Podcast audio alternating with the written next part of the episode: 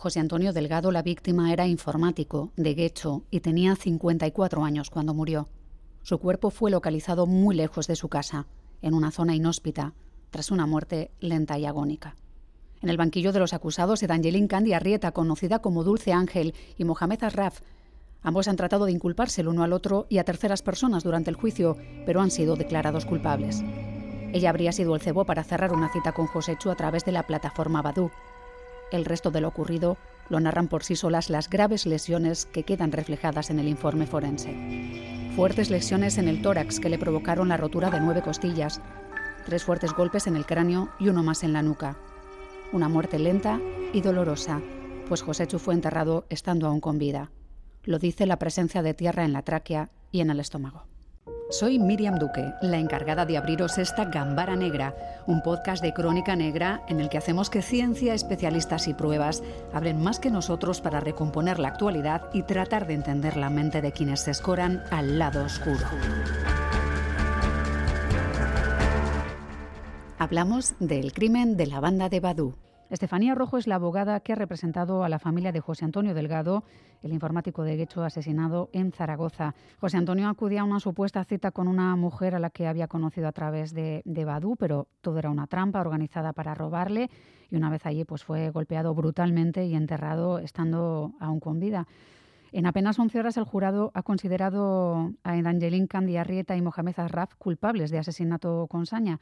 Ahora estamos a la espera de conocer la sentencia, a la espera de que el juez determine las penas de prisión por la muerte de José Antonio. Pues nosotros estamos muy satisfechos porque a fin de cuentas el jurado ha estimado todas las pretensiones que nosotros mantuvimos y además por lo que luego trascendió después de deliberar y de que se leyera el objeto del veredicto no tuvieron ni una duda.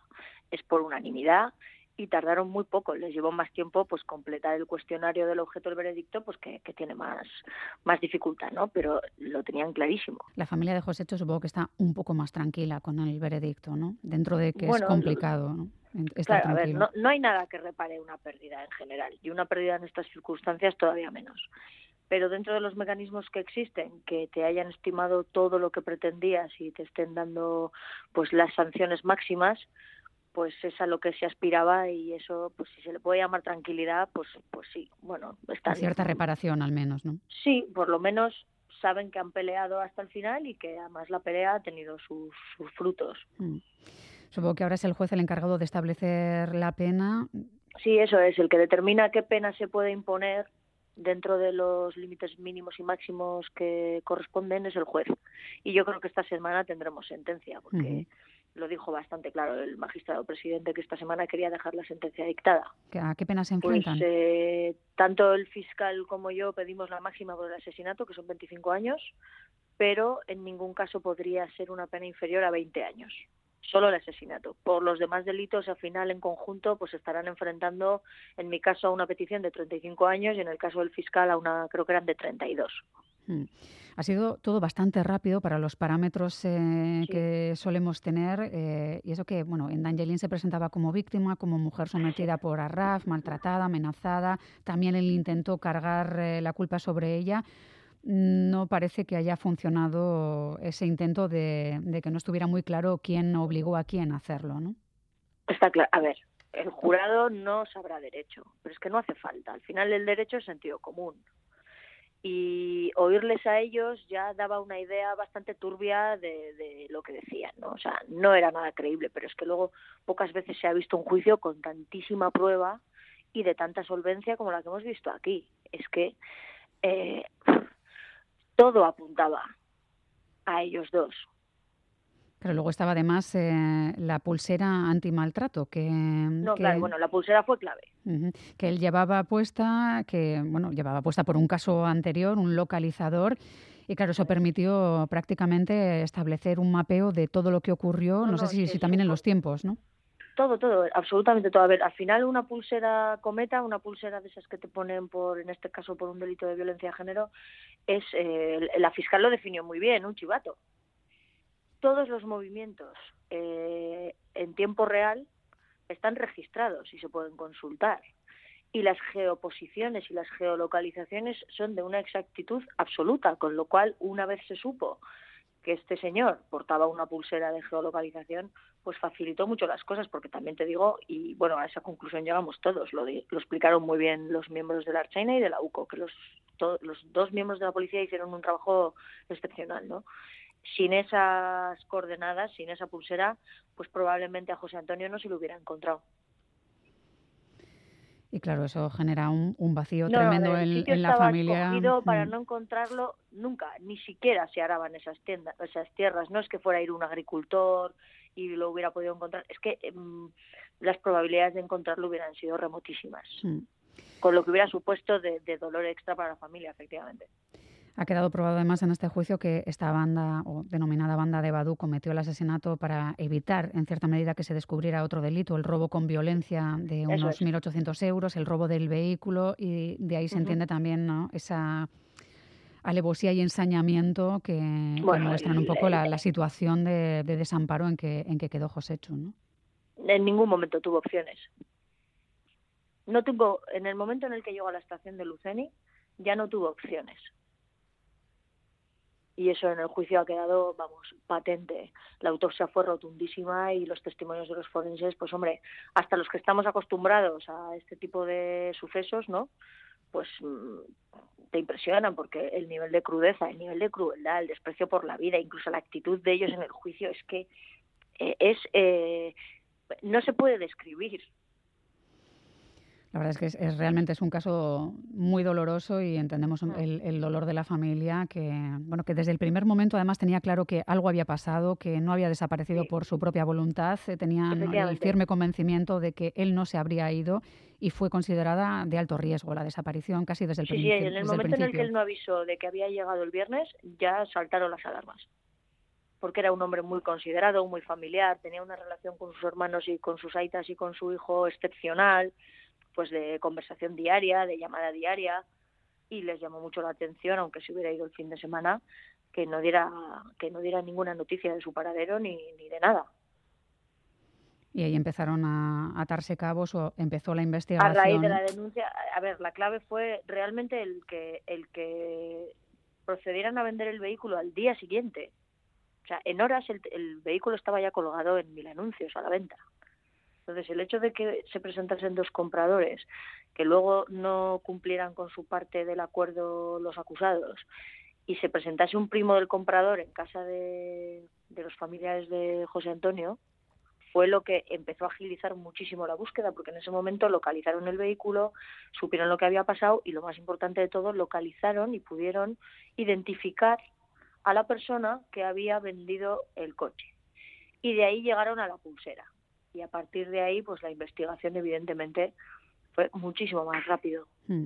Realmente esta, estas dos cuestiones eh, que mencionas, Estefanía, es, eh, es curioso que procedieran a vender tan rápidamente ese vehículo, que no tuvieran en cuenta que llevaban una pulsera que permitía chivar exactamente dónde estaban. No sé si era sensación de impunidad o que les llevó a pensar que estaban a salvo, ¿no? Con esos dos puntos sobre la mesa. Pues probablemente esa sensación de impunidad, porque este caso fue el tercero de otros dos previos en escaso mes y medio. Es decir, dos días antes ya habían hecho lo mismo con otro señor. De hecho, el juicio me parece que es en junio.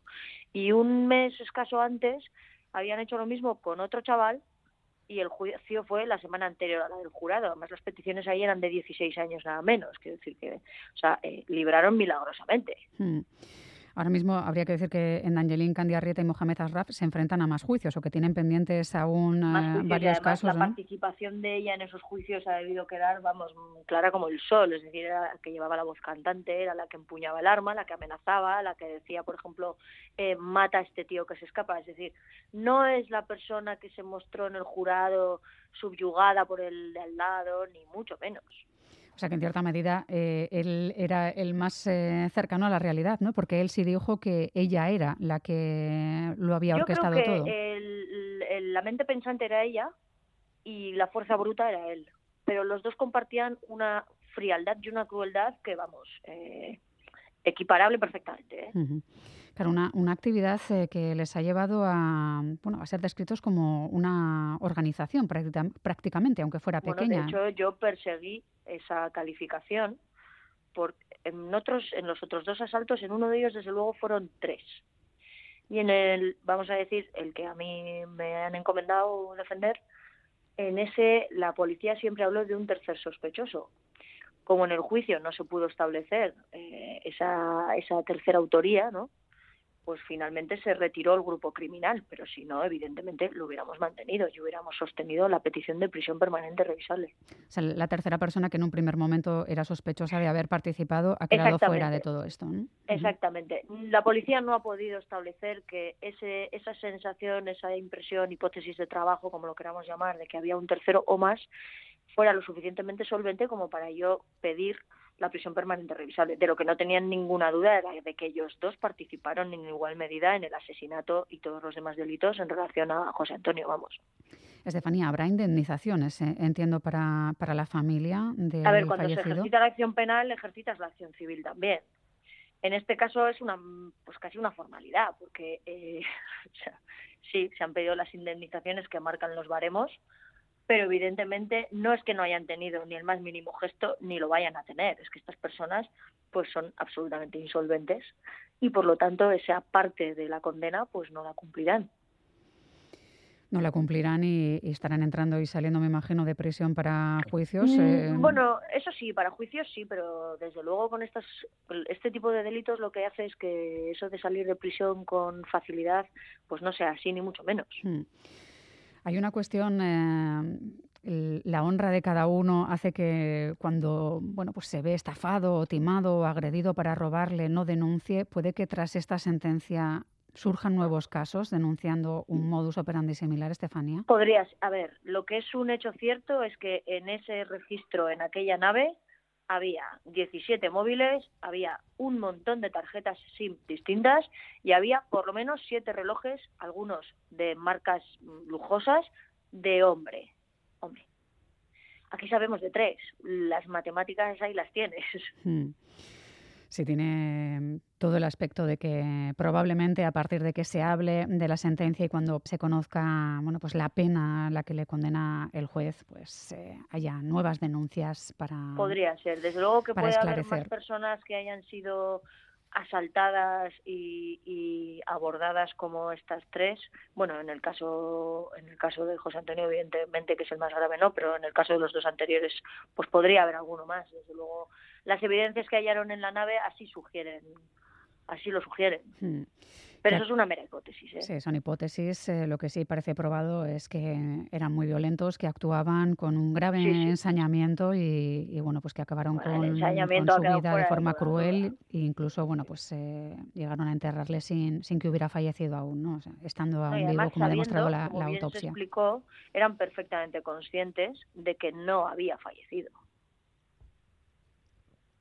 no es que dijeran, ahí va, es que pensábamos que, bueno, por, por los golpes recibidos, pues le hemos causado la muerte. No, no.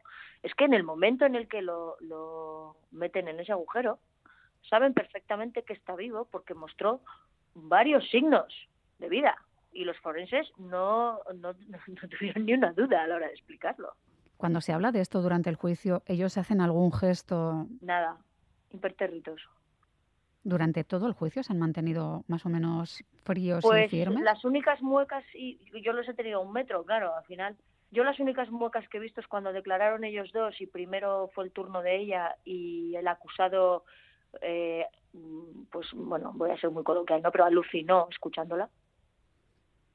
Eh, yo creo que ni por lo más remoto se esperaba esa declaración de ella. Y luego tuvieron algún signo así pues al final, al final, al final, con la lectura del veredicto, ella, desde luego, eh, la mirada que tenía, pues no inspiraba mucha calma, la verdad. Hmm. Pero nada más. Se han mantenido fríos, duros. Bueno, ella a mí me llegó a pedir la prisión permanente revisable, pero para él. Para él, ¿no? Es que hemos vivido cosas pues eso, surrealistas en este juicio, ¿no? Hmm. Es verdad que entiendo que cuando una es abogada habrá visto prácticamente de todo, habrá escuchado todo tipo de declaraciones, pero yo habrá casos que, que, especialmente, ¿no? A ver, yo solo me dedico al derecho penal. Es decir, no es la primera vez que veo un homicidio, no es la primera vez que veo un asesinato. Eh, normalmente soy una, un abogado que está en posiciones defensivas y lo que he visto aquí, pues yo en los 20 años que llevo no lo he visto. Pues esperemos que, de, lo mismo, de la misma manera que existe la bondad humana, existe la maldad, así, eh, sin paliativos. Hay gente que es malvada y yo creo que este es un claro ejemplo de eso. Lo que es curioso es que se junten dos maldades juntas y sean capaces de llegar a esas cotas de, dice, ¿no? Dios los cría y ellos se juntan, no lo sé. Yo lo que sé es que desde luego la participación de ellos dos no tiene ni una sola duda. Y así llegaba esa condena, esa declaración al menos de, culpabilidad para los dos acusados por el conocido como crimen del informático, el asesinato de José Antonio Delgado. Estefanía Rojo es la abogada que ha representado a la familia. Le agradecemos mucho que nos haya explicado este complejo caso y bueno, que los próximos sean un poco más llevaderos, ¿no? porque este realmente es complicado. A lo que yo me dedico, pero sí, no es normal tampoco, que no es normal un nivel de crudeza así. Hmm tampoco se debe trasladar una sensación de inseguridad. Eso es, pero bueno. O sea, esto no es lo normal. No es lo normal, ha sido especialmente doloroso, no es lo normal y confiamos en que bueno, pues el, próximo caso sea un poco más amable. Estefanía Rojo, un abrazo muy grande y hasta la próxima. Gracias a vosotros. agur, agur. agur.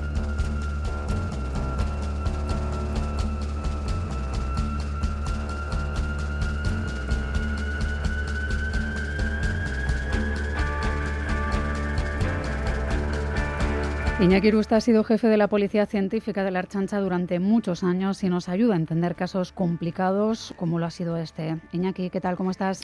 Muy bien. Nos acompaña también el escritor especialista en novela negra Carlos Basas. Carlos, ¿qué tal? ¿Cómo estás? Hola, muy bien. Iñaki, ¿se puede llegar a entender en algunas ocasiones el uso de un perfil falso para tratar de tender una trampa, para que alguien vaya a un sitio desconocido, citarle, un lugar solitario? Pero el nivel de violencia para un robo como este es razonable. La verdad es que es un tema extraño, sobre todo Máxime cuando esta persona solo llevaba pues algo más de tres meses aquí en, España, ¿no? Llegar a cometer ese tipo de, digamos de, de asesinatos, porque al final no ha dejado más que de ser un asesinato con todos los con todos los agravantes que conllevaba. Un tema es un sí, porque le asesinan después de, de, un nivel de violencia extremo, digamos, ¿no? Porque prácticamente podría decirse por el nivel de, de, las evidencias científicas y forenses que fue torturado. Efectivamente, lo que intentaban es de alguna manera eh, sacar las claves del, de la tarjeta para extraerle el dinero y una vez eh, procedido a eso la venta del vehículo, pues eh, tampoco tenían mucha experiencia porque ya se ve dónde le entierran en una zanja de medio metro con poca actividad profesional. Efectivamente fue enterrado vivo, presentaba tierra tanto la laringe, la faringe como el estómago. Con eso nos da efectivamente que todavía algún tipo de inspiración hizo en el interior de la tierra y la verdad es que es una muerte muy cruel, muy cruel. Sí, la verdad es que pensar que llegaran a enterrarle vivo es, muy doloroso, que cuesta creer, Carlos, eh, porque hablamos de, criminales, entiendo que peligrosos o al menos incapaces de sentir empatía con, con ninguna víctima, ¿no? Con este en concreto ninguna. Todos en público usamos una máscara, eh, algunos a través de las redes usan esa máscara para delinquir, pero el salto penal entre mm, robar una identidad, robar datos, e, el grooming, el phishing, etcétera, o sea, el salto penal entre eso y un crimen atroz de estas características es, muy grande. Algo eh, extraño tuvo que pasar eh, y eso solo lo podrán confesar eh, los asesinos si algún día pues eh, lo hacen. Algo tuvo que pasar para provocar semejante nivel de, ensañamiento, porque es, es como decía Iñaki, es extraño y no es nada habitual, ¿no? Uno lo que quiere es obtener un rédito económico, hacerse con el número de esas tarjetas, vaciar una cuenta corriente pero el salto a lo siguiente, a acabar enterrando a alguien vivo, es muy grande, ¿no? Y, hay que trabajar más a, fondo la mente de, estos criminales porque porque es, es, muy salvaje. hecho, antes de partir hacia Zaragoza, Luceni, si no me equivoco, pues lo que hizo es comunicar a un compañero que se había establecido a través de una página, en este caso Badu, pues eh, una cita con una persona, ¿no? Toda esa información a nosotros nos, nos es válida cuando se procede el rastreo. Automáticamente se producen a, inspeccionar las tarjetas y se ve que se hace una extracción bancaria sobre 1.500 o 1.800 euros y ahí es donde empiezas a, activar, ¿no? Se hace un trabajo conjunto con Guardia Civil, pues eh, donde aparece el cuerpo es en Zaragoza y se hace un trabajo conjunto con los dos cuerpos. Bueno, pues es un caso tremendamente triste, sobre todo para, para esa persona, para José Chu, que bueno, pues que acabó de la peor manera posible eh, porque se topó en el camino con, con dos personas que bueno, han sido condenados eh, por, por su asesinato.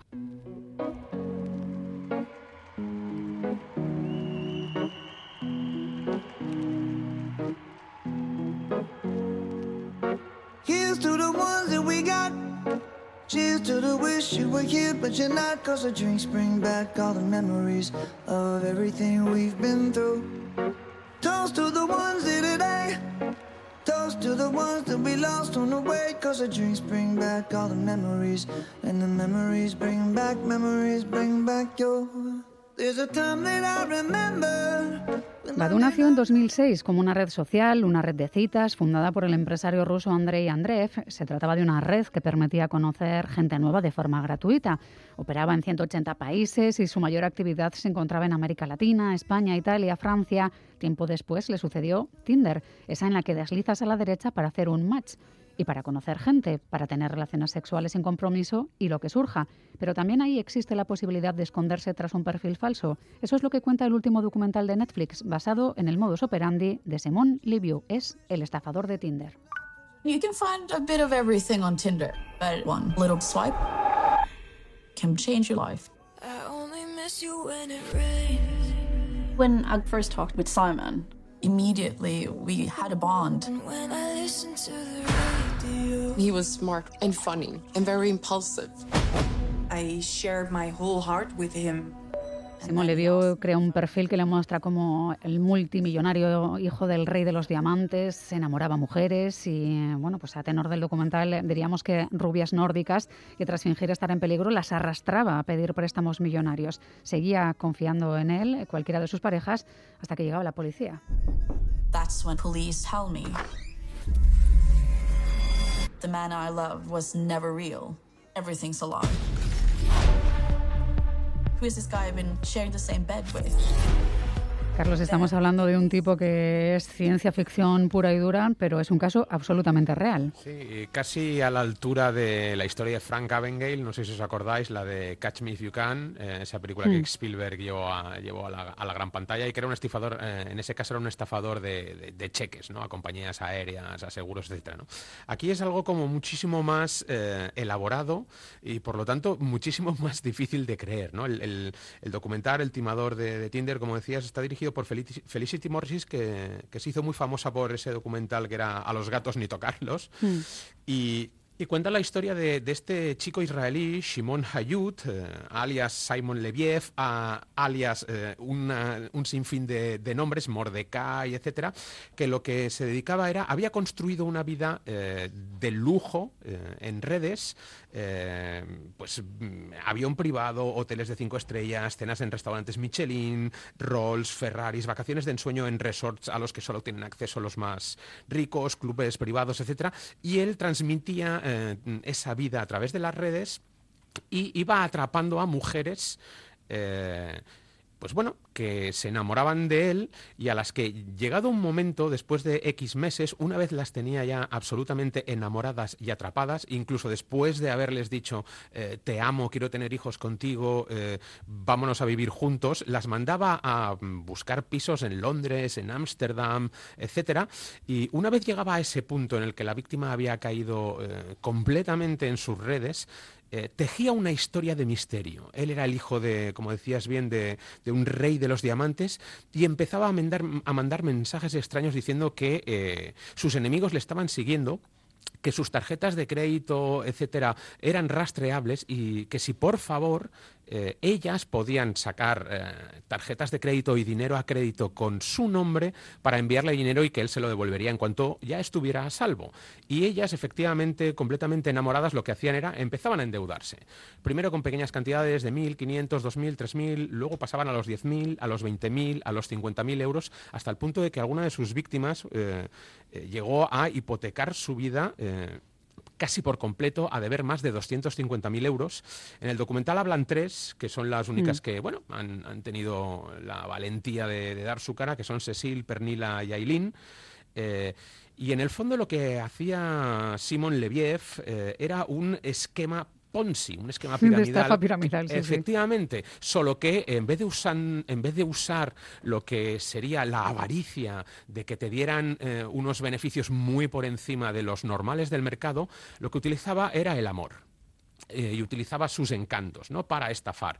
Lo que él estafaba a, unas, a algunas de sus víctimas servía, para pagar su tren de vida eh, eh, que incluía a otras de sus víctimas. ¿no? Una de ellas, Pernila, de hecho, va con él de vacaciones financiado completamente por el dinero de otra, Cecil, que es a la que al final, a la que al final conoce. ¿no? Es decir, es un esquema Ponzi clarísimo y se pegaba una vida eh, de lujo y a todo tren. ¿no? es verdad que es un tipo extraño, ¿no? que parece que crea una narrativa superlativa a su alrededor y, hasta el punto de que parece que se ha devorado por el propio personaje ¿no? y por su avaricia también probablemente. De, hecho, pues bueno, eh, él procede de una familia un poco desestructurada, eh, llega un momento en su vida en el que decide dejar los estudios y decir, bueno, tengo cierta habilidad para mentir, para engañar, para estafar y para simular y eh, empieza a estafar como hizo Frank Abagnale con cheques y de ahí pasa a empezar a estafar eh, personas.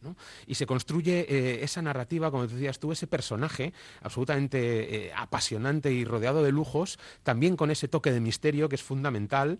Eh, y, vive durante varios años, eh, sobre todo entre el 2017 y el 2019, eh, a todo tren gracias al dinero que logra arrebatar a todas estas mujeres.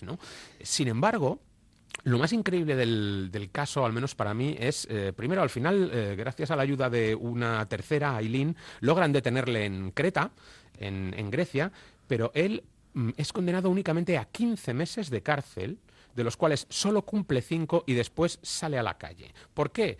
Porque eh, ese tren de vida que él se pega, eh, en, el fondo nada está a su nombre. Incluso los billetes de avión que él pide a las mujeres que saquen para sus equipos de seguridad, para sus acompañantes, etcétera, siempre están a nombre de ellas.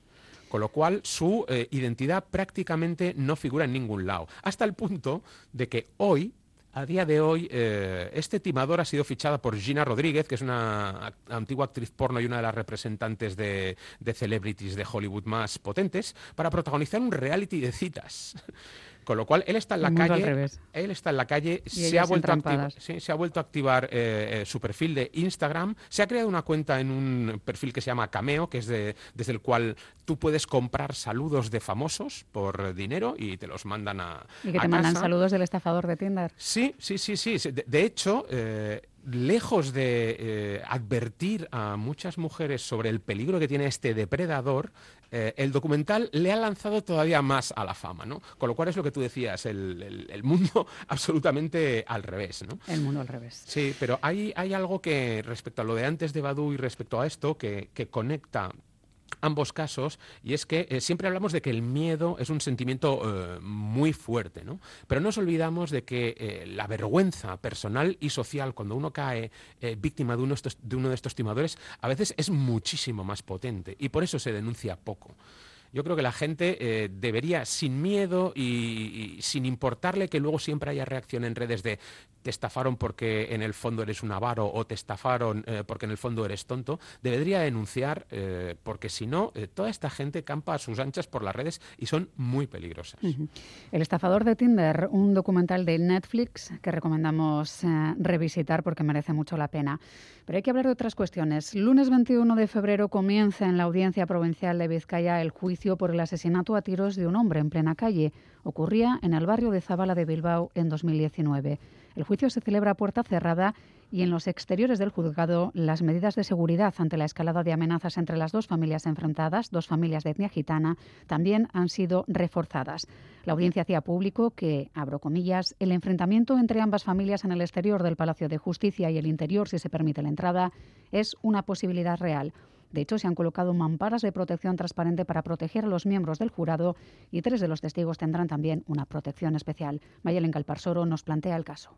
Seguro que se acuerdan porque es muy probable que el vídeo de lo ocurrido les llegara casi en tiempo real. Los móviles y los vecinos que lo graban todo captaron estos sonidos.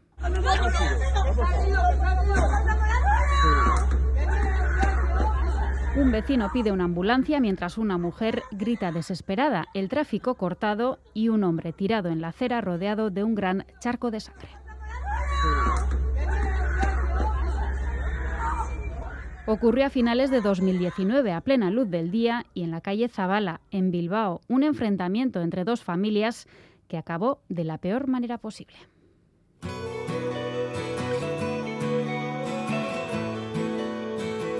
Al parecer ambas familias mantenían una buena relación hasta que uno de los hombres mantuvo una relación amorosa con la mujer del otro. El hombre engañado prohibió la entrada al barrio al hombre y a toda su familia, pero un día un hermano de la familia desterrada volvió al lugar y tras una discusión, el hombre que fue engañado y su hijo lo mataron a tiros.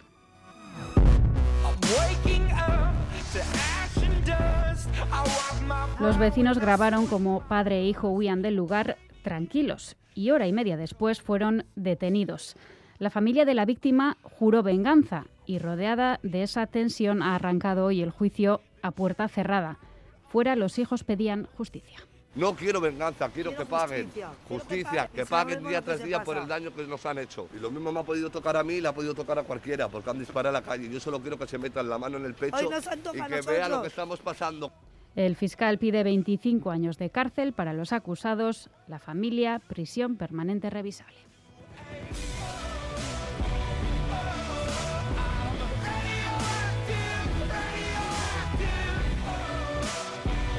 Que ocurría a primera hora de la tarde, un 24 de octubre de 2019, ataque con escopetas eh, ante numerosa gente. Es una de esas cuestiones que, cuesta olvidar porque además, como decía Mayalen, se extendió como la pólvora por, por los móviles y en las redes sociales. ¿no? Sí, fue a plena luz, eh, delante de toda la gente, grabado, nos avisaron efectivamente que se había producido unos disparos, el pues escenario, entiendo que el escenario que se encuentra la policía al llegar es muy complicado porque están las dos familias y, miembros de las dos familias en el lugar. Generalmente cuando vamos a un lugar de esos eh, de, a trabajar, pues nos encontramos con una situación que tenemos que dar respuesta al incidente, pero aquí tenemos que dar respuesta al incidente más la presión de todo el entorno que tenemos. El primer cometido que tenemos es eh, pues alejar a esos personajes del escenario de cara a posibilitar la actividad nuestra, porque lo único que te de esa manera es eh, hacer la desaparición de evidencias que luego son claves, ¿no? Esos posibles armas que localizamos, esos disparos, un disparo inicial que fue fallido, luego los dos disparos posteriores, eh, cómo se hace a la vivienda, se encuentran más armas, hay que hacer un estudio, un cotejo balístico de todas esas armas para saber y demostrar cuál ha sido la causante de los disparos. Ahí intentaban hacer un trasvase de, digamos, de, de padre a hijo, hijo a padre para minimizar el hecho criminal. Bueno, todo eso tiene que estar bien, bien atado y, bueno, pues es un escenario en principio bastante complicado. Entiendo que declarar protegido con la audiencia decretando el juicio a puerta cerrada por la peligrosidad entre ambos clanes gitanos, eh, no sé si es habitual que se decreten este tipo de medidas. No, generalmente no, exceptuando en los temas de terrorismo como se hacían en su día, no. Me imagino que serán por las leyes de, de, ellos, quien la sangre muere, sangre mata, y bueno, pues será para imposibilitar. De hecho, yo creo que las familias se marcharon desterradas a otro lugar pero aún así todo, pues hmm. eh, estos siguen buscando porque tienen, tienen familias por todo el territorio. Sí, de hecho el magistrado presidente del Tribunal de Jurado, que es Juan Mateo Ayala, se ha visto obligado, como decimos, a decretar medidas especiales por la peligrosidad y decía incluso la ofensa que en sus códigos de honor fue llevada a cabo y que motivó los hechos violentos no fue saldada y se generó con una nueva ofensa en la familia de la persona muerta que la justicia democrática no llegará a satisfacer a sus ojos es la forma en que describe esta situación y por eso está tomando medidas, especiales. Pero bueno, siempre se suele decir eso de que la realidad supera la ficción. la ficción siempre nos inspira pues, en la realidad. ¿no? Es, lo que a mí más me preocupa, eh, ahora leíais esa frase que me parece eh, pues muy apropiada, ¿no? de que la justicia democrática jamás eh, satisfará esa, esa, otro tipo de justicia. ¿no?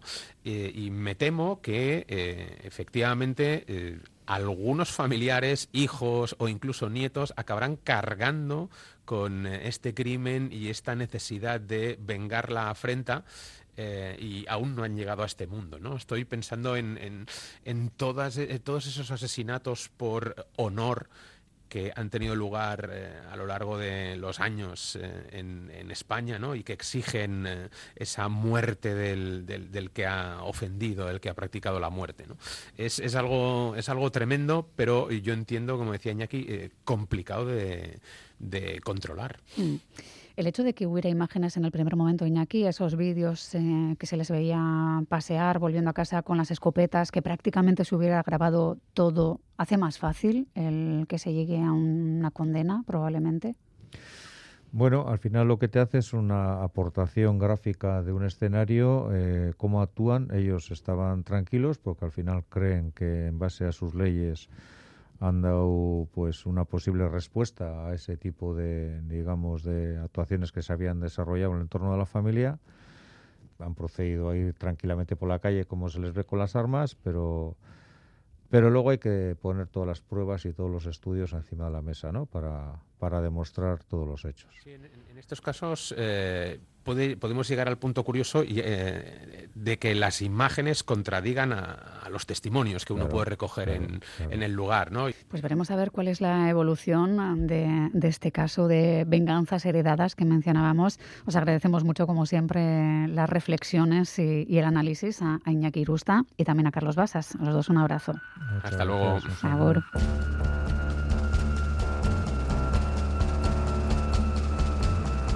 Gambara Negra, el podcast de crónica negra e investigación de EITB Podcast.